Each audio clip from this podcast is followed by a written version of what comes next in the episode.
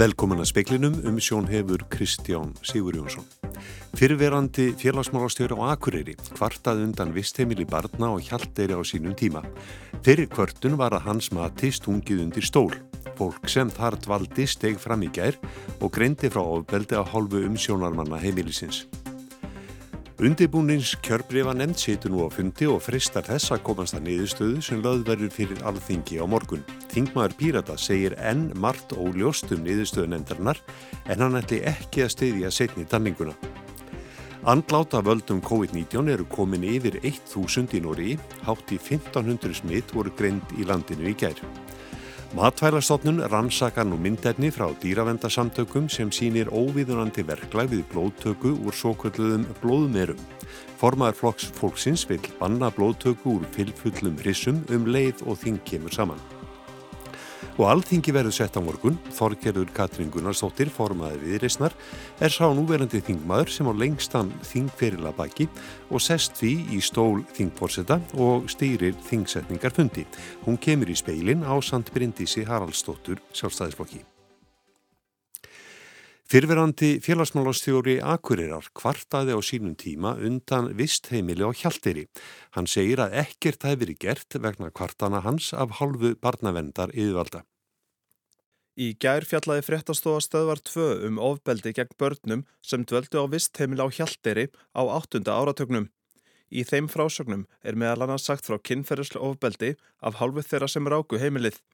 Jón Björnsson, fyrirandi félagsmálastjóra á Akureyri, starfaði sem slíkur á þeim tíma sem heimili var starrakt.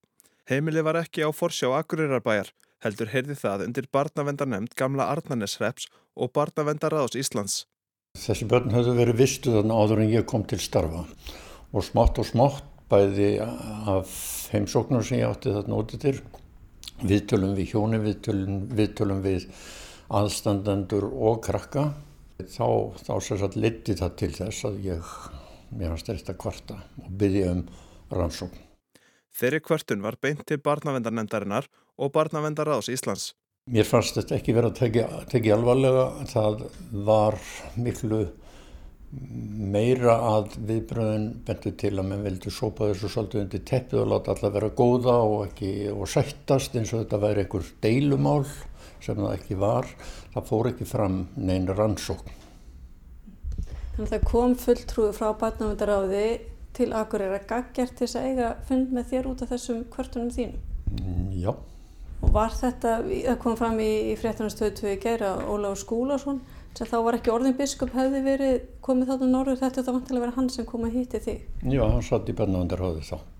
Þannig að þú férst bara þá tilfinningun að það ætti bara að eigða þessu máli, það ætti ekki að gera neitt í þessu? Einlega ekki bara á tilfinninguna, það var ju ekkert gert með þetta, mér er ekki kunnugt um það en ég held að, að starfsleifi heimilisins og hjaldiri hafi aldrei verið, þau hafi aldrei verið svift í leifi. Sagði Jón Björnsson, Kristín Siguradóttir rætti við hann, Bjarni Rúnarsson tók saman. Nánar verður fjallað um þetta mál í kvöldfréttum sjónvarps. Döðsföll af völdum COVID-19 í Nóri eru komin yfir 1000. Fjórða bilgja veru faraldusins er í fullum gangi þar í landi. Hátti 1500 smitt voru greint þar í gær. Þetta kom fram þegar Líðhelsustofnunin greindi frá fjölda smitta og andláta um helgina.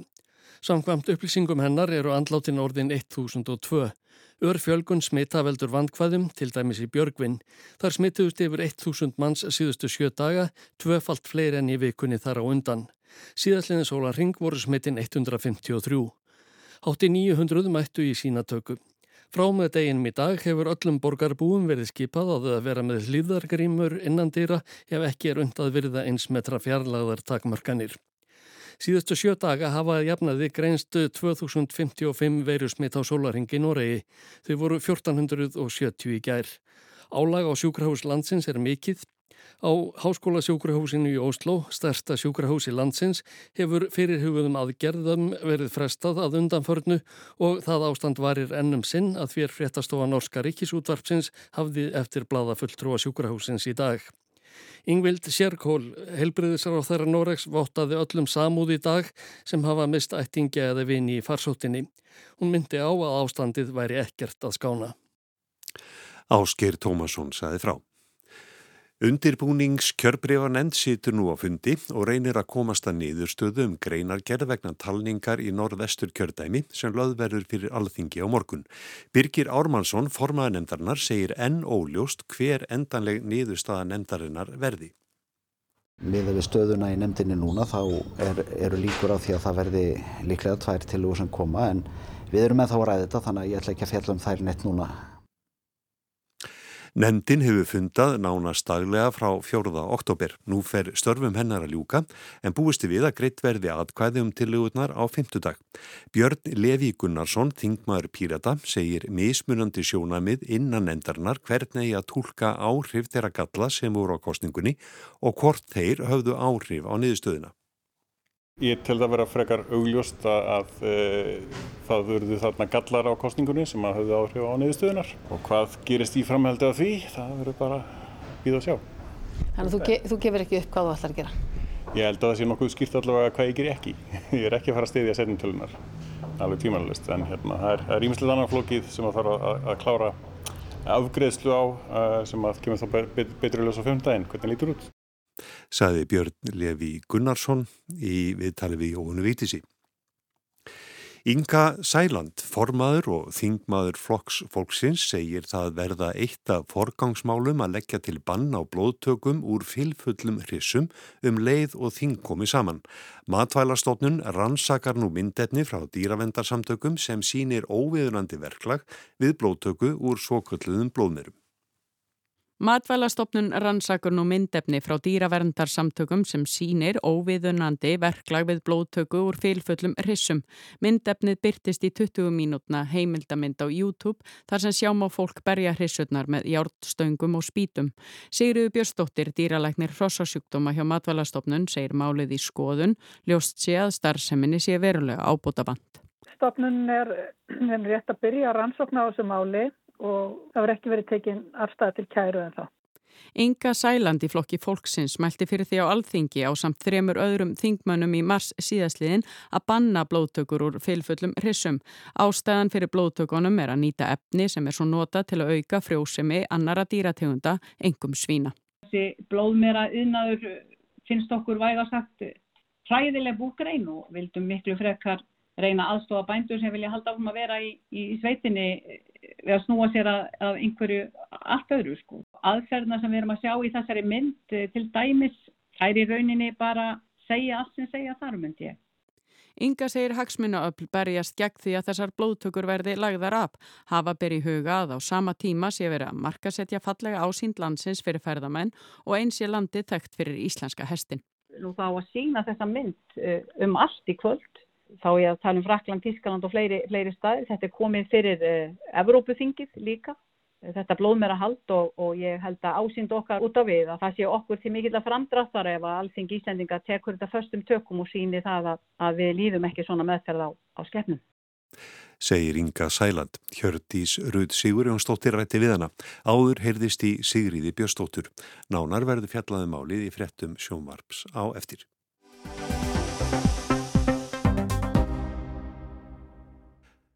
Það er Brexit-kergja í sambandi breyta og frakka og því gengur ekki vel að leysa úr málum flóttamanna sem koma á bátum frá Fraklandi. Og það er nokkuð ljóst að þrátt fyrir loford getur breskastjórnin einn ekki leist sinn flóttamanna vanda. Brexit gerir stjórninni erfiðara fyrir, það þarf samstarfi í þessum efnum. En flóttamannamáli er aðeins eitt af fleiri Brexit-málum sem breskastjórnin freistar að leysa en gengur hægt. Þegar Tom Pursklof undir ráðherra í dómsmálaráðunitinu satt fyrir svörum þingnemdar í síðustu viku spurði Yvette Cooper, þingmaður verkamannaflokksins, ráðherran út í fjölda flottamanna sem kæmu frá Evrópu og hefði verið sendir aftur tilbaka þángað.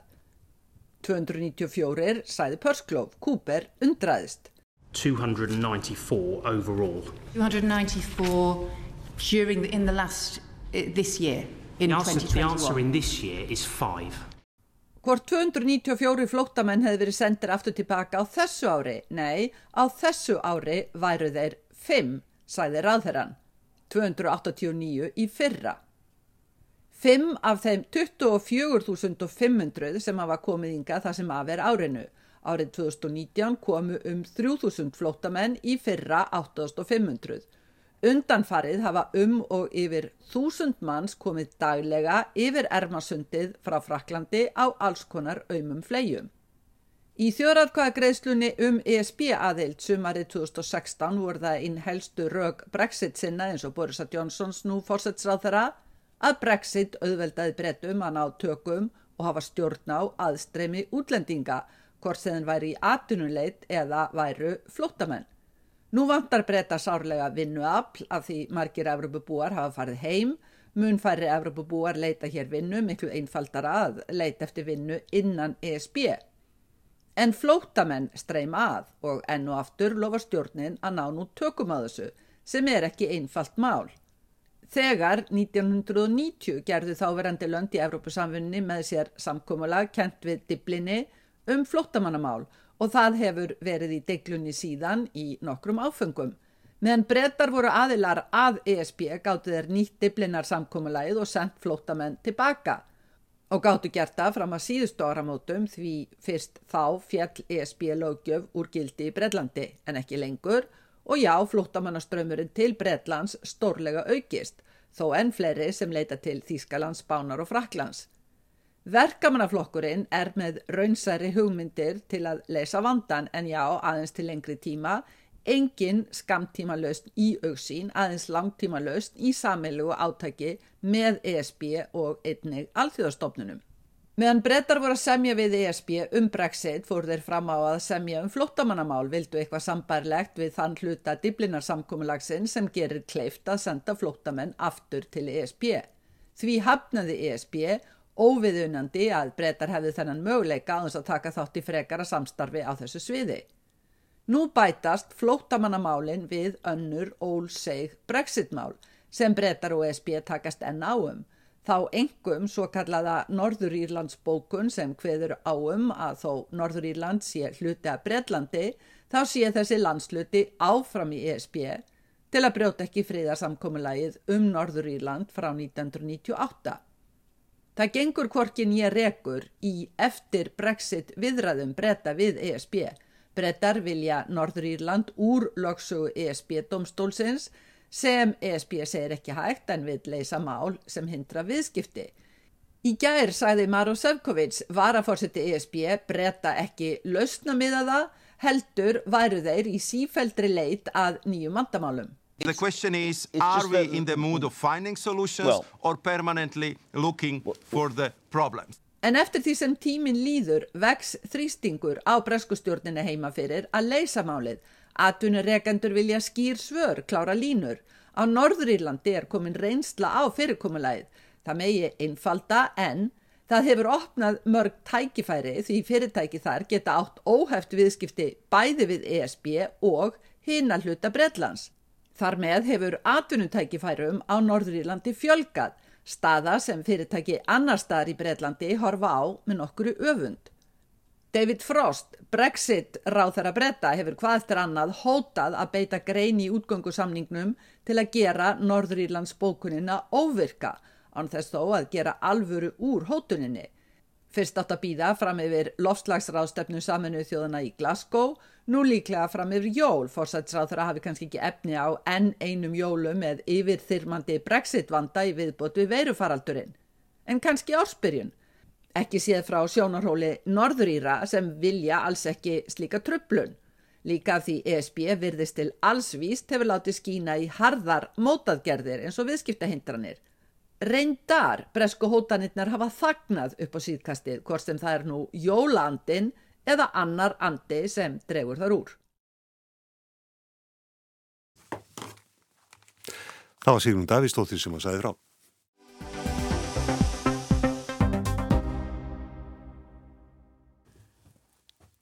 Alþingi verður sett á morgun og hingað eru komnar. Það er Þorgerður Katrín Gunnarsdóttir, formaðið Írisnar og 50 þingmaður Suðvestu kjördæmis og Bryndi Saralsdóttir, sjálfstæðisflokki, 70 þingmaður Suðvestu kjördæmis. Þorgerður Katrín, hún er með lengstan starfsaldur núverandi þingmana alls 19 ár, satt á þengi 1999 til 2013 og síðan frá 2016 og Bryndís, hún er 5 ára á þengi, hefur settið frá árinu 2016. Katrín, út af þínum starfsaldri, þá, Þorgrið Katrín, þá kemur það í þinn hlut að stýra þingfundi á morgun og á fymtudag.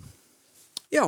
Um, Hvernig leggst það í því? Það leggst bara mjög vel í mig og, og uh, mér þykir mjög væntum þess að stopnum, þetta er mikill heiður og ég, þetta er svona ákveðin, ég, já, ég er fullt tilhökkuna til, til morgundagsins, við þurfum að vanda okkur, þetta er náttúrulega mjög sérstakur þingfundur, við munum byrjað að fara út í domkirkju og síðan að setjast inn í þingsal og mér finnst þetta alltaf mjög hátilegt mm -hmm. og síðan munum við gera hlið eftir ræði fórsetta og, og, og fleira, kjörbríða á nefndin verður skipuð formlega og hún tekur til starfa, hefur rauninni síðan alveg fram á fymtudag til þess að klára sín mál.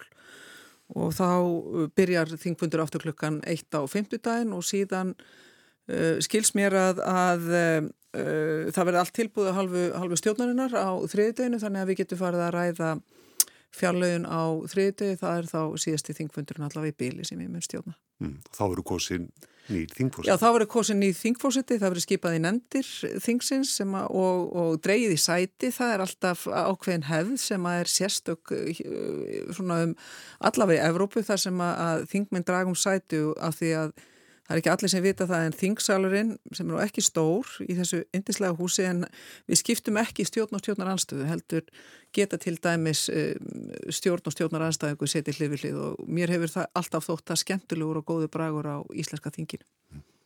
Bryndís, við skulum byrja á þessu, þessari sérstöku stöðu sem er núna er uppi út af norðvestur kjördæmi. Hvernig sér þau fyrir þér að það mál verði list? Já, það er stortir spurt. Já, nú er það þannig að þessi undirbúiniskjörnemnd sem er búin að setja all marga fundi e, mun skila einhverja að sér á morgun. Þá byrstist á VF Thingsins svona hérna einhver greina gerð frá þeim. Mér skilst að þetta sé nálat 100 blaðsum þannig að það verður eitthvað fyrir okkur að lesa ásamt öllum þeim gögnum sem liggja fyrir á VF Thingsins í dag.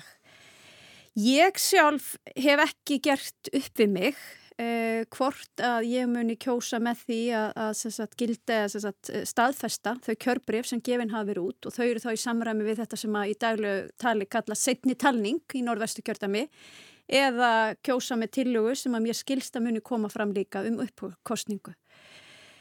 Ég held að þetta sé opastlega stórt mál sem að maður þurfi að vanda sig og fara vel yfir uh, svona laugin leið okkur í það átt að þetta eru einu tveir möguleikarnir sem í stöðun eru. Og ég held að all, öllum beri sama um það að það eru verilegir ákallar á þessum kostningum eða framkvæmt kostningana í norðvestu kjörtami. En spurningin er bara hvort að þeir ákallar leiði til ógildingar. Og hérna finnst líklegra að það sé skoðun þingkæms að svo sé ekki og svona þeir sem ég hef verið að tala við bæði innan þings og utan eru sammála um það að, að á, þó að þarna séu ágallar að þá ætti það ekki að lega til uppkastningar en ég er ekki tilbúin að segja hver mín afstæði í dag því ég bara hreinlega er ekki búin að ákveða. Mm. Er til ykkur góð lustna á þessu máli? Allar vondar. Það eru allar allavega snúnar og það er ljóst að það mun ekki ríkja fullkomi sátt um, um þá niðurstöðu sem verður. Það verður alltaf einhverjir, einhverjir óanæðir. Ég fyrir mína parta hefði gætnað bara upp á virðingu við líðræði, virðingu við þingið sjálft, virðingu við eh, kjörpremi sem slík og, og náttúrulega líðræði sem að, og atkvæðin sem þar búa baki að við hefðum náð eh, einhverju samstöðu uh, sameigilegur niðurstöðin það er einfallega ekki hægt og við bara horfum stjögu við það og það eru þarna tvær leiðir sem að er verið að að mér skilst að bjóða upp á og þar hafa bæði kostu og galla og, og ég segi eins og Bryndís, ég er ekki búin að gera þetta fyrir mig, hvort hvora leiða, leiðina ég ætla að, að kjósa með. Ég hefði helst vilja að, eh, að það hefði bara verið kosað á landinu öllu, það er ekki lagalega hægt. Mér hefði þótt það siðfyrirslega réttast að því það er uh, gríðalegt fúsk það verður bara að segjast eins og er sem hefur átt sér stað við talningu á, í norðvestu kjördami, við erum að sjá uh, óaðfinnalega talningu uh, fimmlausa í söðu kjördami og annar staðar í, í öðrum kjördami þannig að það er gríðalega mikið fúsk á ferð í norðvestu kjördami, síðan þurfum við einfallega að, einmitt uh, teku undir með brindisi, við þurfum að gera uh, uppfyð okkur hvert og eitt hvort að þetta fúsk hafi leiti þess að, að það hafi haft veruleg áhrif á, á, á úslitt kostningana um, það er ekki einhver einn flokkslína hjá, þannig ég dræði það fram hjá, hjá viðrist. Fólk bara tjáur sig eins og það vil, það eru mikla tilfinningar í þessu máli en það er líka ákveðin raukhugsun og líðræðisást hvoru megin ryggjar sem enn lenda, hvort sem við erum að tala um frambjóndur í norðvestur eða frambjóndur í suðukjörðami uh, og við verum einfallega að taka til til þess, það er ekki, eins og ég segi, einhver einn flokkslína, þetta er risa ákverðun, samvisku ákverðun, siðferðislega ákverðun og lagalega ákverðun sem við þingmenn erum að fara að taka. Og þá verðum við einfallega hvert og eitt að, að gera það upp við okkur uh, hvaða leið er best skynsumust til þess að, að tryggja hér traust á líðræðinu uh, og trúverðuleika bæði, bæði á, á framkvæmdini allri og lögjafa samkvæmni sem slíkri. Mm. Bryndis, getur þetta mál uh, haft slæm áhrif bara innan þingflokkana? Ég veit ekki... Því einn fellur út og annar kemur inn. Já, já, maður sér það hérna, við auðvitað í sjálfstæðsfloknum erum ekki þeirri stöðu, engin þingmaður okkar er í þessari svo kallu ringegju en, en auðvitað svona finnum maður ákveðin titring og ég get vel skilið það, sérstaklega í minni hérna þingflokkum þar sem að þetta er að hafa veruleg áhrif og maður sér það bara í fjölmjölum, fólk er einmitt að tjá sig og hefur sterkar skoðanir og, og hótar kærum í, í hvora áttina sem að þetta mál geti mögulega farið, þannig já, ég hérna þykist nú sjá það að þetta hafi tölverð áhrif innan ákveðna þingflokka þar sem að hérna, þetta skiptir máli hver sest inn í þingflokkin þannig að já, já, ég efast ekki um það. Það, það geti haft áhrif. Mm. það er spurning hvort það hafi einhver áhrif á það hvernig fólk uh, talar um málið eða hvaða afstöðu fólk hefur í, í þingsal sko, svo er leika umræðinu um það uh, munu þingmenn norðvestu kjördamist líka taka þátt í atkvæðagreislunni og umræðinu og, og hérna Þetta er allt svona það sem að mun skýrast núna á næstu dögum. Mm. Hvaða lærtóm er þetta að draga þessu máli, Þorgir? Vanda betur til verka. Ekki segja bara, já, þetta hefur alltaf verið gerst svona. Um, það er ríkraf og ekki síst til já, okkar Íslendingar sem hefur, við höfum verið að berja okkur á brjóst við, hversu öflug við erum þegar kemur að, að líðræðinu og framgangi þess Uh, gegnsægi og svo framvegs, við höfum verið að senda fólki kostninga eftir litt annar staðar og þá vesku verðum við að standa okkur líka á okkar eigin heimavelli. Þetta kalla líka á það uh, og við höfum betur gert það í, í þinginu að endur skoða kostningalögjan. Ég ætla ekki að fara hér endilega út í jæmtvægi atkvæða, það er náttúrulega gefur, gefur leiða, það er náttúrulega kallar á það að við endur skoðum það og jöfnum vægi atkvæða. En, en hitt er, er það er og að að eru atvik núna, stór alvarlega atvik sem koma upp, kasta rýrð á annars þessa mikilvægu, mikilvægu kostningar, eina skemmtilegustu kostningabartu sem ég verið í, ég verið að segja það, eh, að þá þurfum við einfallega að, og þingi sjálft að, að taka það til sín að það þarf að vera með regluverk sem að stennst tímans tönn, kröfur um einmitt gegnsægi og almennileg vinnubröð og ég held að, að til dæmis eh, þetta sjálfsæð skrefa að e, bara afnema þessar, þessar kjörstjónir og hafa eina landskjörstjóna yfir kjörstjóni. Ég held að það skipti mjög miklu máli og reyna að að taka uh, flokks pólitíska gæðinga sem fósvarsmenn í, í, í þessum kjörstjónum um, um landald. Ég held að það er gamli tímin, allt í lagi, þetta var þá en, en, en nútímin hann kallar á annu vinnubröð. Mm. Snúum okkur að öðru, snúum okkur að ríkistjóninni, Bryndís. Mm -hmm. eh, þetta verðist alltaf gangað. Já, já, ríkistjórnin held velli í þessum kostningum, þannig að það er svo sem aðlegt og það fórsvarsmenn hérna, þessar flokka gáði það út fyrir kostningar að ef að ríkistjórnin myndi halda velli sem hún og gerði í kostningunum að þá myndu þessi flokkar ræða saman. Og já, ég er bara hlakka til að sjá uh, stjórnarsáttmálan sem að mun vantilega byrtast okkur þá þegar við erum búin að leysa úr þessu norðvestur máli öllu saman. Og hérna ég held, mér heyrist það bara að þetta hafi gengið vel en þau auðvitað tóku sér sinn tíma Eh, og ég bara vendi mjög mikils. Ég, ég er mjög bjart sín á framtíðina. Ég held að það sé svo opbáslega mikið að tækifærum sem býða okkar Íslendinga. Við höfum verið að fara í gegnum mjög snúin tíma þennan COVID-tíma og ég held að heilt yfir þá höfum við náð mjög miklum árangri eh, bæði sko sótvarnarlega séð en líka út frá efnaðarsmálum og nú er þetta bara krefjandi tímar að stíga upp úr þessu kófi og inn í bjarta, sjálfbæra, græna framtíð þar sem aðtunlífi blómstrar á Íslandi og, og hérna, við gerum enn betur við okkar góða fólk. Og heldur að flokkarnir þýr gangi í takt í þessu málum? Já, ég held að við gangum í takt í þessu málum auðvitað. Ég menna það segir sér sjálft að, að hérna, sjálfstæðismenn og vinstri grænir eru ekki samálum allt og ekki framsókn heldur. Um, en þetta er niðurstu á kostningana. Þetta var ákveðin svona nýsköpun, kannski þarna fyrir fjórum áru síðan að þessi flokkar færu saman og við munum öll hvernig ástandi var þá og búið að reyna ýmislegt og þetta gekk þryggja flokkar stjórn, held hérna út þessi fjögur ár og í gegnum svona erfitt tímabil og held svo velli í kostningum, þrátt fyrir íms og skoðanakannanir eh, sem að sögðu annað, að þá held hún velli og ég hef bara tölvert miklu að trúa á því að við, það verði aftur björnt ár framöndan næstu fjögur. Hefur þú sömundrú, Þorgjörður? Já, ég vona bara að þetta standist að því litinu til að núna er við, það var verið að lofa hér stöðuleika og viðhalda stöðuleikanum en samt er það þannig að við erum að upplifa núna mjög snart vaksta hækkunaferli meðan að til dæmis Evrósku Sjælabankin segir, heyrði við ætlum ekki að bregðast við þessum miklu verðhækkunum strax. Það er verið að hækka hér strax vexti verðbólgan sem að bara fyrir ári síðan við bengtum meðal annars það að hún var komið þá yfir, yfir 4%, þá, voru, þá var strax á næstu, næstu tveimu, þreimu mánuðum, ári síðar er verðbólgan ennþá vaksandi þannig að það eru blikur á lofti og sem við verðum að taka mjög alvarlega. Og þar komum við einna helstu og stærstu verkefni núna þessa vetra sem að eh, býður okkar að við þurfum annars vegar að, að búa þannig um hútan að, að ríkisfjármáli verði raunverulega sjálfbar, þau voru það ekki fyrir kostningar, þessi ríkistjórn hún var búin að eigða um efni fram, útgjöldum voru meiri heldur en tekjurnar fyrir COVID, svo kemur COVID og þannig að þetta er reysa verkefni síðan uh, því til viðbútar að þá erum við að sjá fram á og við sjáum bara svona kriturnar í, í orðræðinu á milli verkalýfsæfingarinnar til, til samtaka aðunlífsins og samtaka aðunlífsins seglabankastjóra og svo framvegis og öfugt.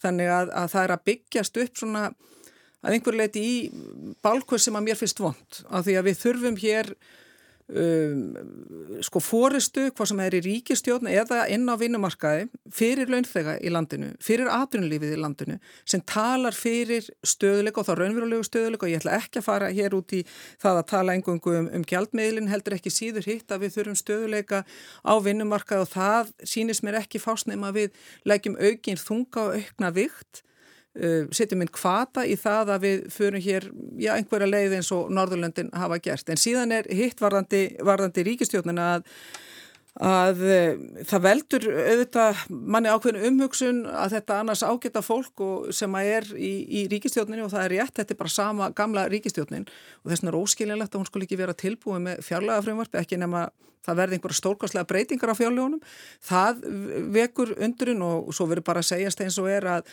að ofta á tíðum uh, var mesta stjórnaranstæðan eða anstæðan við stjórnina innan stjórnaflokkuna sjálfa. Og stjórnaflokkarnir þrýr þurfti ítrekkað að, að, að setjast niður og, og semja sín á millu um, um ákveði mál, það er alla jafn ekkert óæðilegt en, en, en anstaðan, eigum að nefna miðhalandis þjóðgar, eigum að nefna já til dæmis fjarskiptalög sem að, að vinstri grann stoppu sem að eru nöysilegt til að mynda til þess að koma að samningu sem tengjast þjóðuröryggi, það er að nefna fullt af málun sem að, sem að við gáttum bara að beða eftir að, að ríkistjónin var að karpum sína á milli, þannig að Ég vona að við fáum meiri starfsfrið fyrir stjórnina og hún verði samhendar en áður. Það trublaði mjög mikið að, að ráður að koma og saði fjölmjöl með inn á þingi eitt og síðan var bara allt annað upp á teningnum inn í, inn í þingnefndinni og, og stjórnar þingmönum. En, en það er ljóst hins vegar að, að við í, í stjórnarastöðinni að við náttúrulega býðum óþreyfi full og hlökkum til að fara inn inn í þennan vetur en verkefnin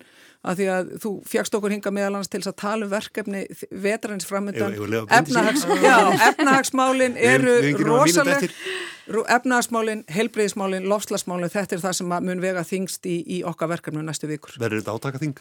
Uh, ég veit ekki, ég vonandi verða, sko, verða líflegar og góðar umræður á þinginu. Þingið á að vera vettvangur skoðanaskipta og ég vona svo sannarlega að svo verði. En ég tek alveg undir, menn efnaðasmálinn eru stóra máli núna og, og við sjáum það í rauninni allt í kringum okkur í hennu ágæta Evrópussambandi er verðbólgan á uppleið og, og við erum að flytja hana inn uh, Eirikið Ísland, ég veit að hérna, veit að Þorgeri Katrinu verði því miður ekki á ósksinni en hún er hérna verð ból þar sem hún segist vilja jólagjöf Evrópusambandi og því miður hérna kjósendir voru hérna mjög skýrir í sinni afstöð þannig að Þorgir hefur ekki að hérna ósksinni hvað það var þar því að við höfum um sínt það að við getum vel stýrt ríkisfjármálun hér og haldið þeim stöðuleika þrátt fyrir allar þær ólgur hérna sem er í kringum okkur og við þurfum að gera það áfram og það mun skipta mjög miklu máli það er svona öguð ríkisfjármál og hérna e, já, ég sé að tímin er að renna út en það verður auðvitað stóra máli, vinnumarkasmál líka og ímislegt fleira. Við verðum greinlega að koma aftur tíðin til að ræða málefni vetraræns